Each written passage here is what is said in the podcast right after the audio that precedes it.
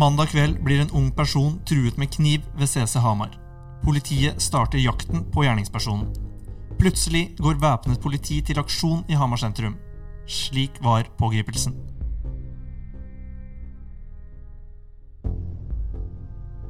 Trond Svendsen, da er vi tilbake i studio for å spille inn en uh, ny podkast. Det har skjedd litt av hvert den siste uka.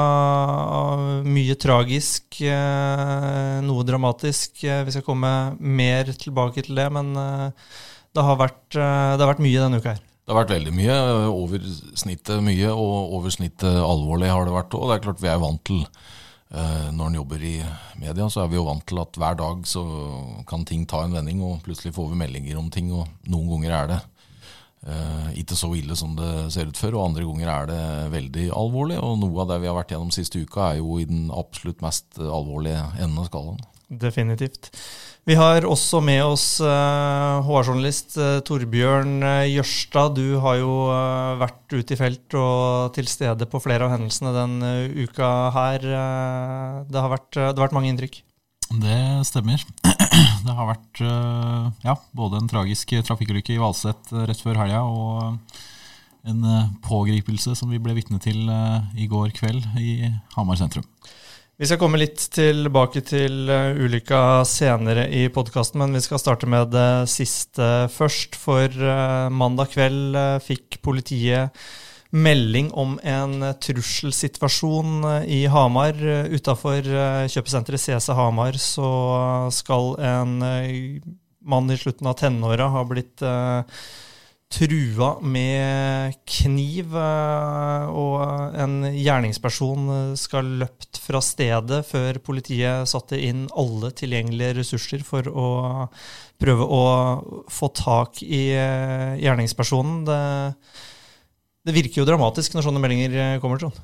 Ja da, og det er klart at det vi ser, er jo at det blir satt på veldig mye ressurser med en gang. Og de bruker ja, dette har vi jo prata om før, men, men, ting ser jo litt uh, voldsomt ut heretter. Fordi at de er litt mer sånn Lista ligger litt mer der at det settes på uh, beredskapsressurser. Og, og, og, politiet har jo uh, tilgang på skytevåpen hele tida. Og, og, tar i bruk henger på seg tohåndsvåpen. Og når det blir litt sånn hjelmer og sånn inne i bildet, så, så ser det litt, litt, dramatisk ut. Men det er på en måte der vi har havna som en følge av de siste åras alvorlige hendelser. Da, så er det beredskapsnivået er jo, er jo slik. Uh, så, men dette her ser ut til å være en hendelse som blir tatt på største alvor, og, og blir spadd på bra med folk helt fra starten. Mm.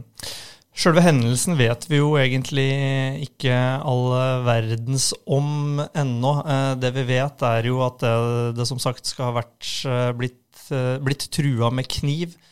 Eh, foranledningen til det vet vi ikke, og heller ikke hvilken relasjon det er mellom fornærmede og gjerningspersonen. Men de skal ikke ha vært ukjente for hverandre, eh, sånn som det er opplyst. Eh, og det er vel heller ikke uvanlig at det er folk som vet hvem det er slett, slett ikke uvanlig i, i saker at, uh, at uh, offer og gjerningsmann er kjente for hverandre. Det er klart, Hvis du tenker på den meldinga som kom inn her, da, så er det klart at uh, før politiet på en måte har kontroll akkurat på den situasjonen, så i en akuttfase så vil det jo være en tankegang her på at i, i, verste scenario kan du ha en ustabil, kanskje rusa person løs med et stikkvåpen mm. i et bysentrum. Og det er klart at det er jo, det er jo um, noe av et uh, skrekkscenario. Der. Vi husker jo alle åssen det gikk på Kongsberg uh, med, med, med, sånne ting. Så du vet, i en tidlig fase så veit ikke politiet nødvendigvis hvem og, og hva og hvor. Slik at uh, det vil nok prege innsatsen litt i starten. Og så var vel mitt inntrykk eh, i forhold til hendelsen at uh, her fikk de relativt god oversikt over persongalleriet. Da. Ja, mm. det skjer jo veldig fort, og det går ganske tidlig ut med at det er en navngitt person de er uh, ute etter. Og de melder også allerede i den første meldinga at det ikke skal være fare for andre personer. Og det tyder vel i hvert fall på at uh, de har en viss formening om uh, at det her ikke har skjedd helt ut av det blå. Nei, det er, og det er jo ofte sånn det er. ikke sant? Altså, det kan ha vært noe som ligger bak her som vi foreløpig ikke vet hva er. som En krangel om et eller annet. Og, det, og i, i, mange tilfeller er det bagatellmessige ting altså, mm. uh, som kan utløse, utløse voldsbruk. Ja. Vi var jo inne på i forrige episode at det har vært uh, mye både voldsepisoder og ransepisoder i løpet av de siste månedene. Det her føyer seg jo bare inn i rekka, egentlig. Ja, og det tenker jeg at det er vel med på å, å danne bakteppet for eh, innsatsen som blir lagt ned i å pågripe vedkommende. Mm. Mm. Og så går det um, ei stund. Torbjørn, du er tilfeldigvis i uh, Hamar sentrum, og der skjer det plutselig ting. Kan ikke du fortelle litt om hva du fikk med deg mandag kveld?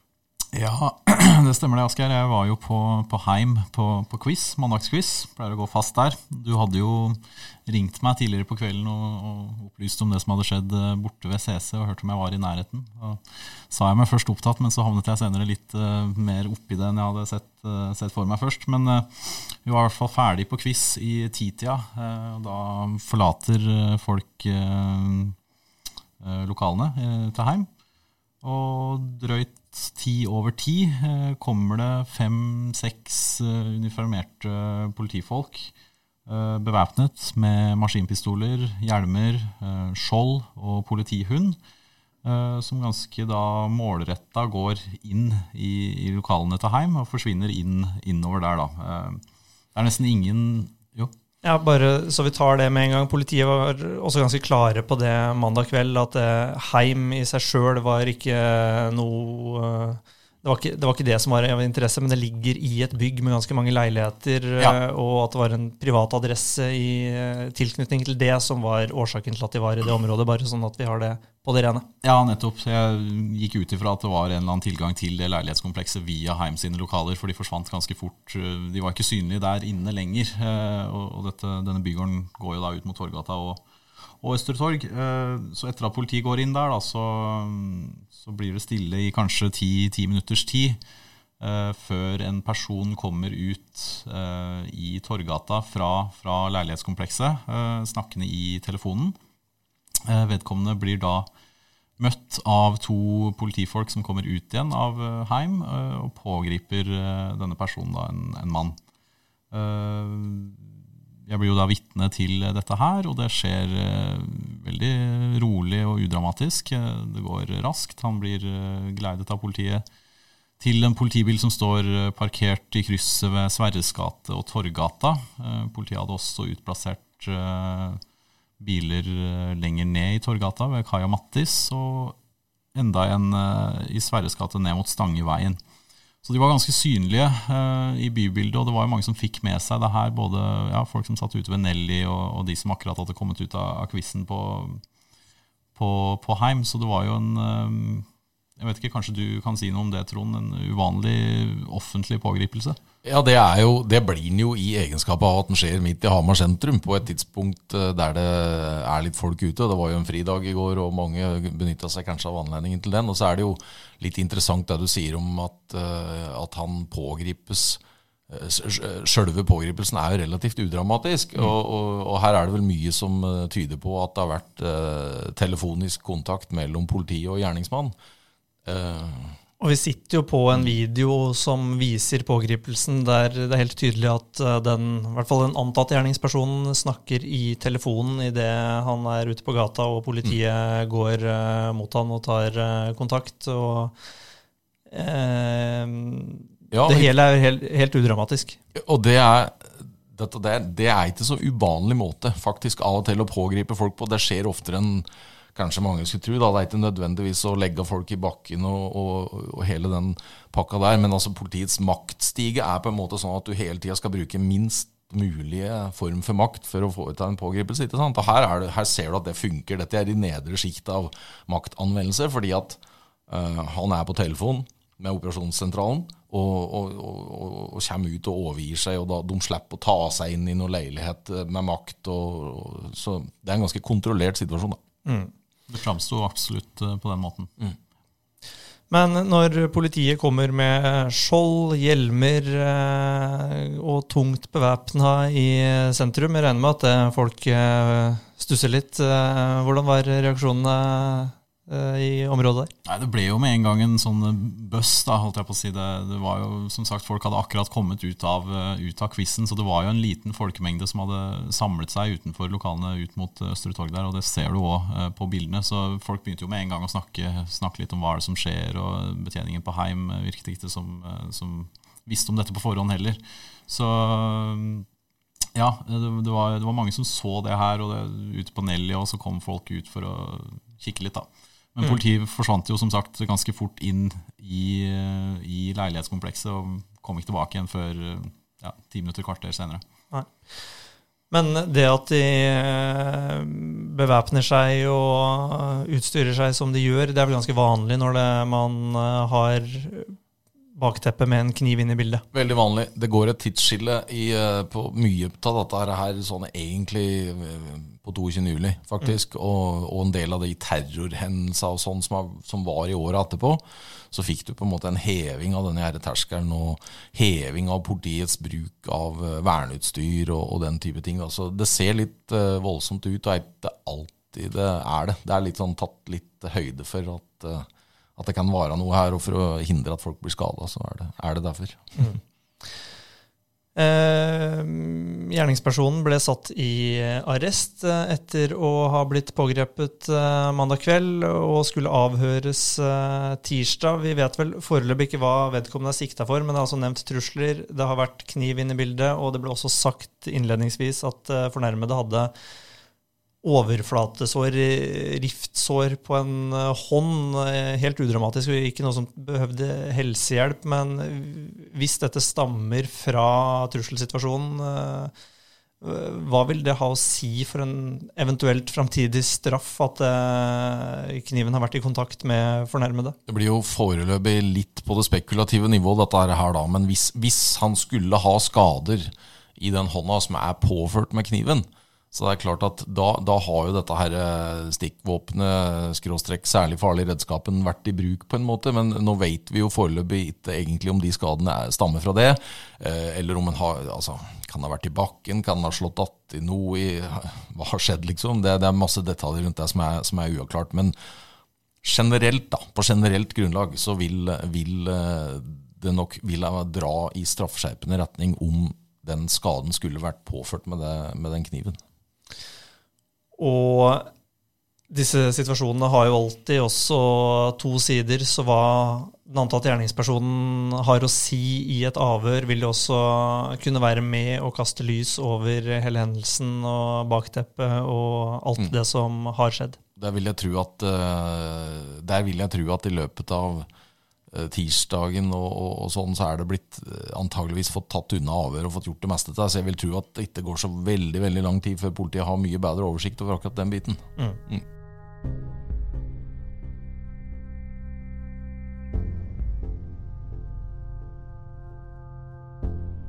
Vi eh, legger episoden eh, i Hamar mandag kveld bak oss enn så lenge. Vi skal selvsagt følge opp eh, videre med det siste der, men vi skal snakke litt om det som skjedde i forrige uke. For torsdag ble en mørk dag i trafikken på Hedmarken da en personbil kolliderer med en lastebil på, i nærheten av eh, Valset. Eh, tre personer eh, er bekrefta omkommet etter den ulykken, og en fjerde ble sendt med luftambulanse til Ullevål sykehus, hardt skadd.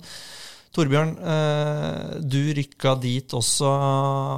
Hva var det den første meldinga gikk ut på da du dro ut dit? Nei, Jeg var jo på en annen jobb eh, i Ottestad og hadde gjennomført et intervju der. Og ble eh, på, på, vei tilbake til Hamar, nesten tilbake på redaksjonen, da jeg ble oppringt av, eh, av nyhetsredaktør som hadde blitt tipset om en, en ulykke i Valset som skulle framstå alvorlig. Dette var før, før politiet selv gikk ut og tvitret om den. siden jeg da allerede var i bil og hadde med meg kamera, så snudde jeg da og la meg ut på E6 Kjørte bort til Uthuskrysset og uh, fylkesvei 24 uh, mellom uh, Gata og Valset. Hva var det som møtte deg da du kom fram dit? Nei, Jeg kommer kjørende på, på fylkesvei 24 og blir jo møtt av noe kø før uh, kirka. jeg får parkert bilen og Eh, beveger meg bortover eh, mot det jeg ser er et ganske omfattende ulykkessted. Det er et stort antall eh, utrykningskjøretøy fra samtlige nødetater. Luftambulanse er også på plass og står på et jorde. Det er altså en lastebil, en utenlandsk registrert lastebil, som har kollidert med en personbil i ja, en liten sving i fylkesvei, på fylkesvei 24 der, med litt helning det er veldig mange i sving på dette tidspunktet. Det er mange politifolk, mange, mye helsepersonell og, og brannvesen som jobber eh, samtidig. Uh, mye blålys på en gang. Uh, det framstår med en gang alvorlig. Det er veldig tydelig at det er en alvorlig ulykke med Eh, alvorlige følger. Eh, og det får vi jo også ganske raskt eh, bekreftet av politiets innsatsleder på stedet, da, at det er tre personer som har omkommet i sammenstøtet, som alle satt i personbilen. Ja, Den tragiske nyheten blir jo bekrefta relativt uh, tidlig her. For det, innimellom så kan det ta tid, Trond, uh, i sånne tilfeller? Ja, jeg tenkte på det. det. det. kom uvanlig tidlig, faktisk, i dette tilfellet her. Og, og, stemte jo overens med de eh, meldingene vi hadde hørt, og de første rapportene som kom fra våre folk utpå der, at, eh, at, det var snakk om en veldig veldig alvorlig smell. Ja. Mm. Så er det en eh, fjerde person i denne personbilen som er hardt skadd og blir frakta til Ullevål sykehus. Vedkommende vet vi ikke hvordan det går med. Det er jo sånn prosedyren er, at man får ikke nødvendigvis oppdateringer på, på det i etterkant. Eh, lastebilsjåføren eh, skal være fysisk uskadd, eh, men det er klart, Trond, at det er, om han er fysisk uskadd, så er det en voldsom psykisk påkjenning å være ute for noe sånt. Helt enormt vanskelig å beskrive og vanskelig å fatte, tror jeg.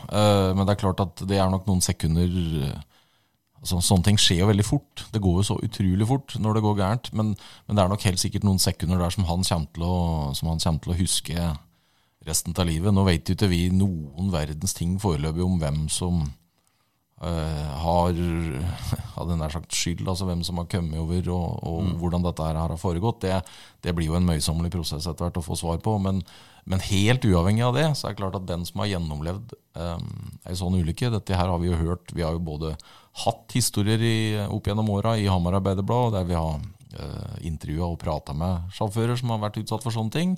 Uh, vi har jo hørt vitneprov i retten i ulike rettssaker opp gjennom åra der, er sånne historier har blitt fortalt. Så det er klart at dette her er en veldig sterk opplevelse.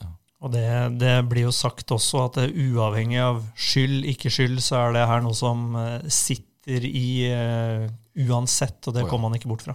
Absolutt ikke. Det er, det, det er, som jeg sier, det er en veldig kort film som brenner seg inn i hukommelsen der. altså. Det er jo samtidig sterke inntrykk for de som jobber eh, på stedet. Eh, vi har jo snakket i etterkant med, med blant de som var tidligst der av, av nødetatene. Det er klart Når vi eh, kommer dit noe senere, så er jo det meste dekket til. Og, og det framstår jo som et veldig alvorlig sted, men det er samtidig ikke synsmessig, de synsmessige inntrykkene er ikke så brutale som man kanskje kunne fryktet.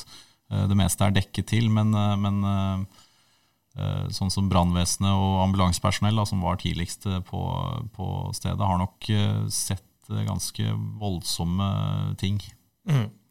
Og du har jo snakka med både folk i brannvesenet og ambulansepersonell. Hvordan, hvordan, beskriver de hvordan de jobber seg gjennom sånne hendelser?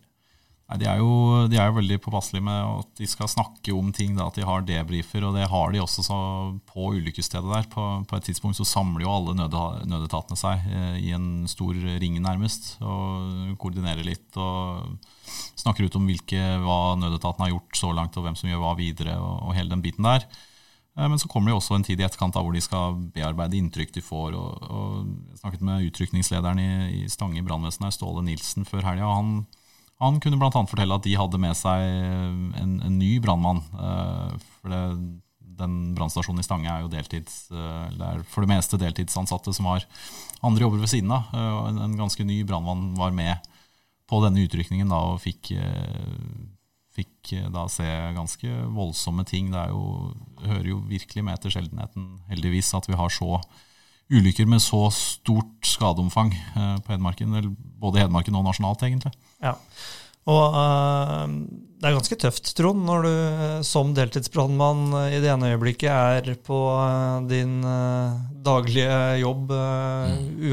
uansett hva det er for noe, og plutselig så får du alarmen om å rykke til et sånt ulykkessted. Det er jo en av de spesielle elementene med å ha den type jobb, er at du må ha evnen til å snu om veldig, veldig fort opp i huet og gå i en sånn ja, modus på at uh, nå, nå er, jeg på, er, jeg på, jobb, og nå, nå, er dette her noe som skal gjøres, og det gjør vi sånn og sånn. Mm. Så tror jeg de har blitt mye flinkere i disse rettighetene her enn de var for en del år tilbake. på, uh, som Torbjørn prater på, altså med debrief og samling, og at de følger opp uh, på den måten. Det tror jeg, de, tror jeg de har tatt lærdom av og blitt, blitt mye bedre på i de senere åra. Mm. Ja, Utrykningslederen har snakka på nettopp dette med at de går veldig inn i en sånn der jobbmodus. Men mm. de, de, tar samtidig grep for å skjerme seg selv i, i, størst mulig grad ved å da dekke til det som uh, ja. man helst ikke vil se altfor mye av. Og, mm. og, passe litt på seg selv da, mens man uh, arbeider der. Uh, så han Nilsen, da, som var brannvesenets utrykningsleder, var jo han er feier og jobba med å feie en pipe i Ottestad da den meldinga kom. Så han var den første. Han kom fram før vaktlagene fra, fra Stange og, og Hamar. Uh, og da blir han jo møtt av ambulansepersonell som var første nødetat på stedet, og, og begynner da med å, å, kartlegge og prioritere hva oppgavene deres blir da videre. På dette tidspunktet så sitter det jo personer fastklemt i personbilen, mm. og de må jo da begynne å, å, å ja, finne ut skal vi frigjøre noen her, hva gjør vi videre, er det behandling i bilen som er som er veien å gå. Um, det er klart at Når du har et scenario der du har flere, altså fire passasjerer da, den, som det er i den bilen her, og, da er det ganske hektisk en liten stund der, i hvert fall i starten, vil jeg tro. For det er om å gjøre å få veldig god oversikt over ja. Eh, hvem og hvor skadet, og hva, hva som kan gjøres osv. Det, det krever en veldig disiplin. og Det er en grunn til at SE-etatene trener mye på det. Mm. Uh, vi, altså, de trener på frigjøring, eh, hurtigfrigjøring som det kalles. da, og Sånne ting bruker brannvesenet, både deltids- og heltidsbrannvesenet bruker masse tid på å trene på sånne ting. Og det er det en grunn til, for at når du kommer til den situasjonen, så må ting bare funke. Mm. Da, da, må du ha klar kommandolinje, og den gjør sånn og sånn, og sånn må det bare være. Eh, for at det må jobbes effektivt. Det står jo om å berge liv. Da. Ja, det er jo prioritet nummer én. Alltid. Vi, vi, var så vidt inne på det i stad. Vi vet ikke uh, noen ting om hendelsesforløpet eller uh, nøyaktig hva som har skjedd, men uh, mens du er der, så kommer politiet og starter etterforskning, og så Statens vegvesen kommer til stedet. Hva, hva, gjør de på stedet? Nei, Ulykkesgruppa setter jo opp Eh, noen form for lasermåling, eh, kameraer kanskje, som de benytter seg av for å starte arbeidet med å kart, kartlegge ulykkesstedet. Da. Politiet setter jo også opp sånne små um, gule skilt eh, nede på veien for å ja. Ulykkesetterforskning er jo en veldig sånn En masse biter som skal inn i et stort puslespill. Altså ja. Uh, finnes det bremsespor? Finnes det skrensespor? Hvor lange? Hvor er de avsatt? Hvor i veien? Altså fra hvilke kjøretøyer? Der ligger det masse informasjon som, ja. som kan brukes til, um, til, å på en måte være med på Vi vet jo at ulykkesanalysegruppa både simulerer hastigheter og på en måte regner seg fram til en masse ting. Jeg har vært og hørt mange rettssaker der dette her har vært tematikk, og det er veldig sånn uh, ingeniørmessig framgang, egentlig, og, og, en veldig mm. interessant prosess. Og det, og det brukes avanserte dataanimasjonsverktøy for å lage simulatorer og sånne ting. Det, så, så, det må gjøres en veldig grundig informasjon. og Det er jo derfor så etter sånne ulykker, sjøl om alt er over, så ser vi gjerne ofte at veien blir stengt i mange mange timer. Ja, ja. Det var jo også tilfellet her. Det var nettopp, og det er jo av den grunn at her skal all informasjon sikres, mens kjøretøya står der de står osv. Ja. Men vi ser også at politiet går rundt og filmer og tar bilder underveis mens de arbeider på stedet der. Mm. Det er jo ja, det er jo et ganske omfattende ulykkessted i at det ligger vrakrester eh, ganske langt ut på jordet og langs veien. og det er synlige ja. spor i veien òg. Og alt sånt skal dokumenteres og vil vare meg på dette her med beregning av fart og plassering og alle sånne ting. Da. Ja, og de bildene er jo viktige etterkant, for uh, det er tragisk, det er dramatisk, men når eh, etterforskerne har gjort eh, sitt, så, og det er rydda opp, så åpnes veien igjen, og trafikken eh, går som vanlig på strekningen. Ja, det er jo, det er jo den brutale virkeligheten i etterkant av sånne ulykker. At etter, etter bare liksom dagen etter så kjører vi jo forbi, og, og, og eneste spora vi ser da av av den dramatikken som var dagen før. Det er jo oppmerkinger i veien og striper. ikke sant? Og det er jo, det er jo brutalt, det, men sånn må det nesten være. Ja. Eh, vi har jo også skrevet om at tidlig etter at uh, ulykken inntraff, så får ordføreren i Stange beskjed om at det har skjedd en alvorlig ulykke, og kommunen forbereder seg på å, på å få i gang kriseteamet hvis det er noen som eh, skal ha behov for oppfølging. Det er kanskje spesielt hvis det er lokale personer som har vært involvert. I det tilfellet her så vet vi jo ikke veldig mye om hvem som har vært involvert, men det er to utenlandskregistrerte biler. Og det er sagt at det er svenske statsborgere i den ene, er ikke det riktig? Jo, det stemmer. Svenske menn i 50-60-åra så er det jo sånn at det heldigvis er sjeldnere og sjeldnere vi ser eh, sånne ulykker. Og det er eh, lenge siden vi har hatt noe som har vært så alvorlig og så tragisk i trafikken på Hedmarken, eh, Trond. Ja, heldigvis, og takk for det. Utbygginga av nye E6 har jo gjort at vi har fått adskilte kjøreretninger. Og vi har jo sett en uh, ganske, ganske, god nedgang i antallet alvorlige møteulykker med dødelig og, eller alvorlig personskade.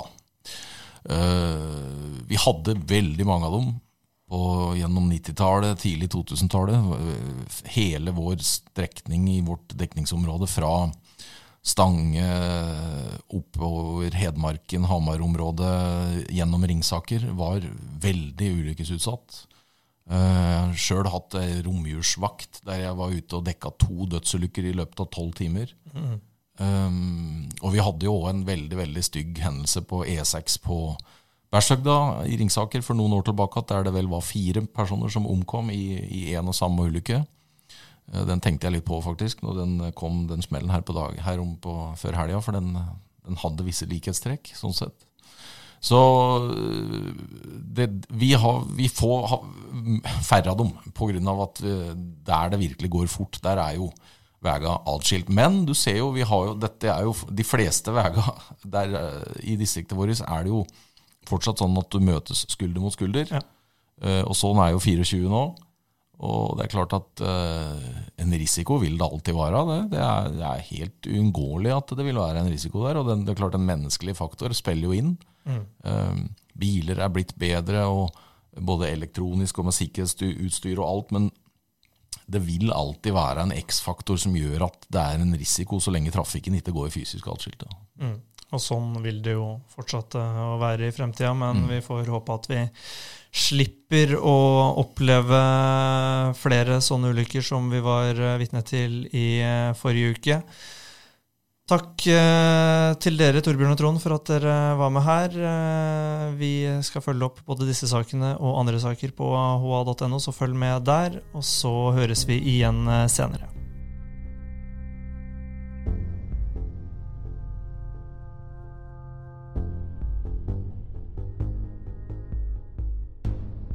Podkasten Blålys er laget av Asgeir Høymoen og Trond Svendsen.